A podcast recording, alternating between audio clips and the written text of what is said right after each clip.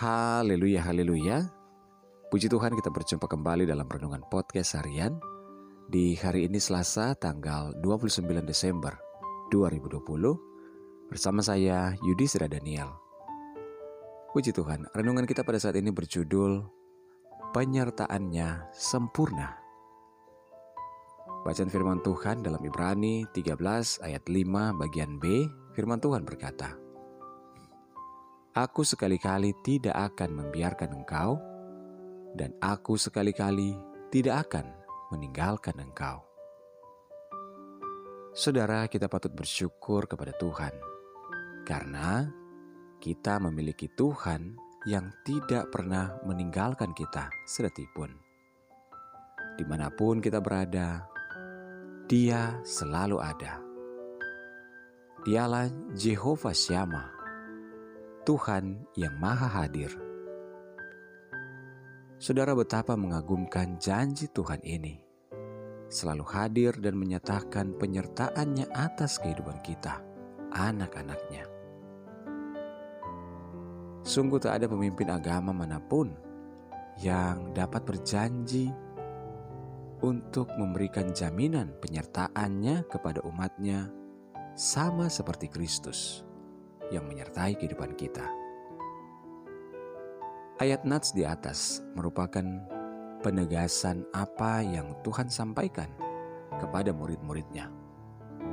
Pergilah, jadikanlah semua bangsa muridku, dan baptislah mereka dalam nama Bapa dan Anak dan Roh Kudus, dan ajarlah mereka melakukan segala sesuatu yang telah kuperintahkan kepadamu. Dan ketahuilah Aku menyertai kamu senantiasa sampai kepada akhir zaman. Saudara janji Tuhan menyertai umatnya tidak pernah diingkari. Awal ketika diutus Tuhan membawa bangsa Israel keluar dari Mesir, Musa sempat menolak karena merasa tidak mampu dan tidak cakap berbicara namun Tuhan menguatkannya. Pergilah, aku akan menyertai lidahmu dan mengajar engkau apa yang harus kau katakan. Dalam keluaran 4 ayat 12. Saudara, sampai kesudahan zaman, janji Tuhan tidak pernah berubah.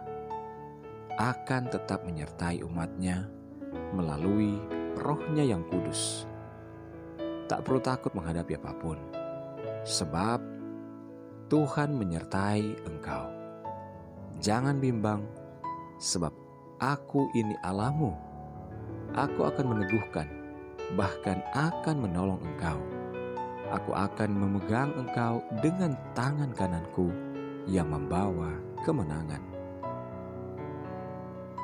Orang percaya tidak pernah ditinggalkan Tuhan. Karena itu, tetaplah kuat di segala situasi.